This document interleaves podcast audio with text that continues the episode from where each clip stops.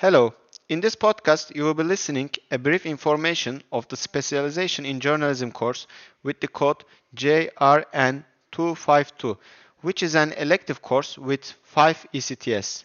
The course introduces students to the profession of journalism.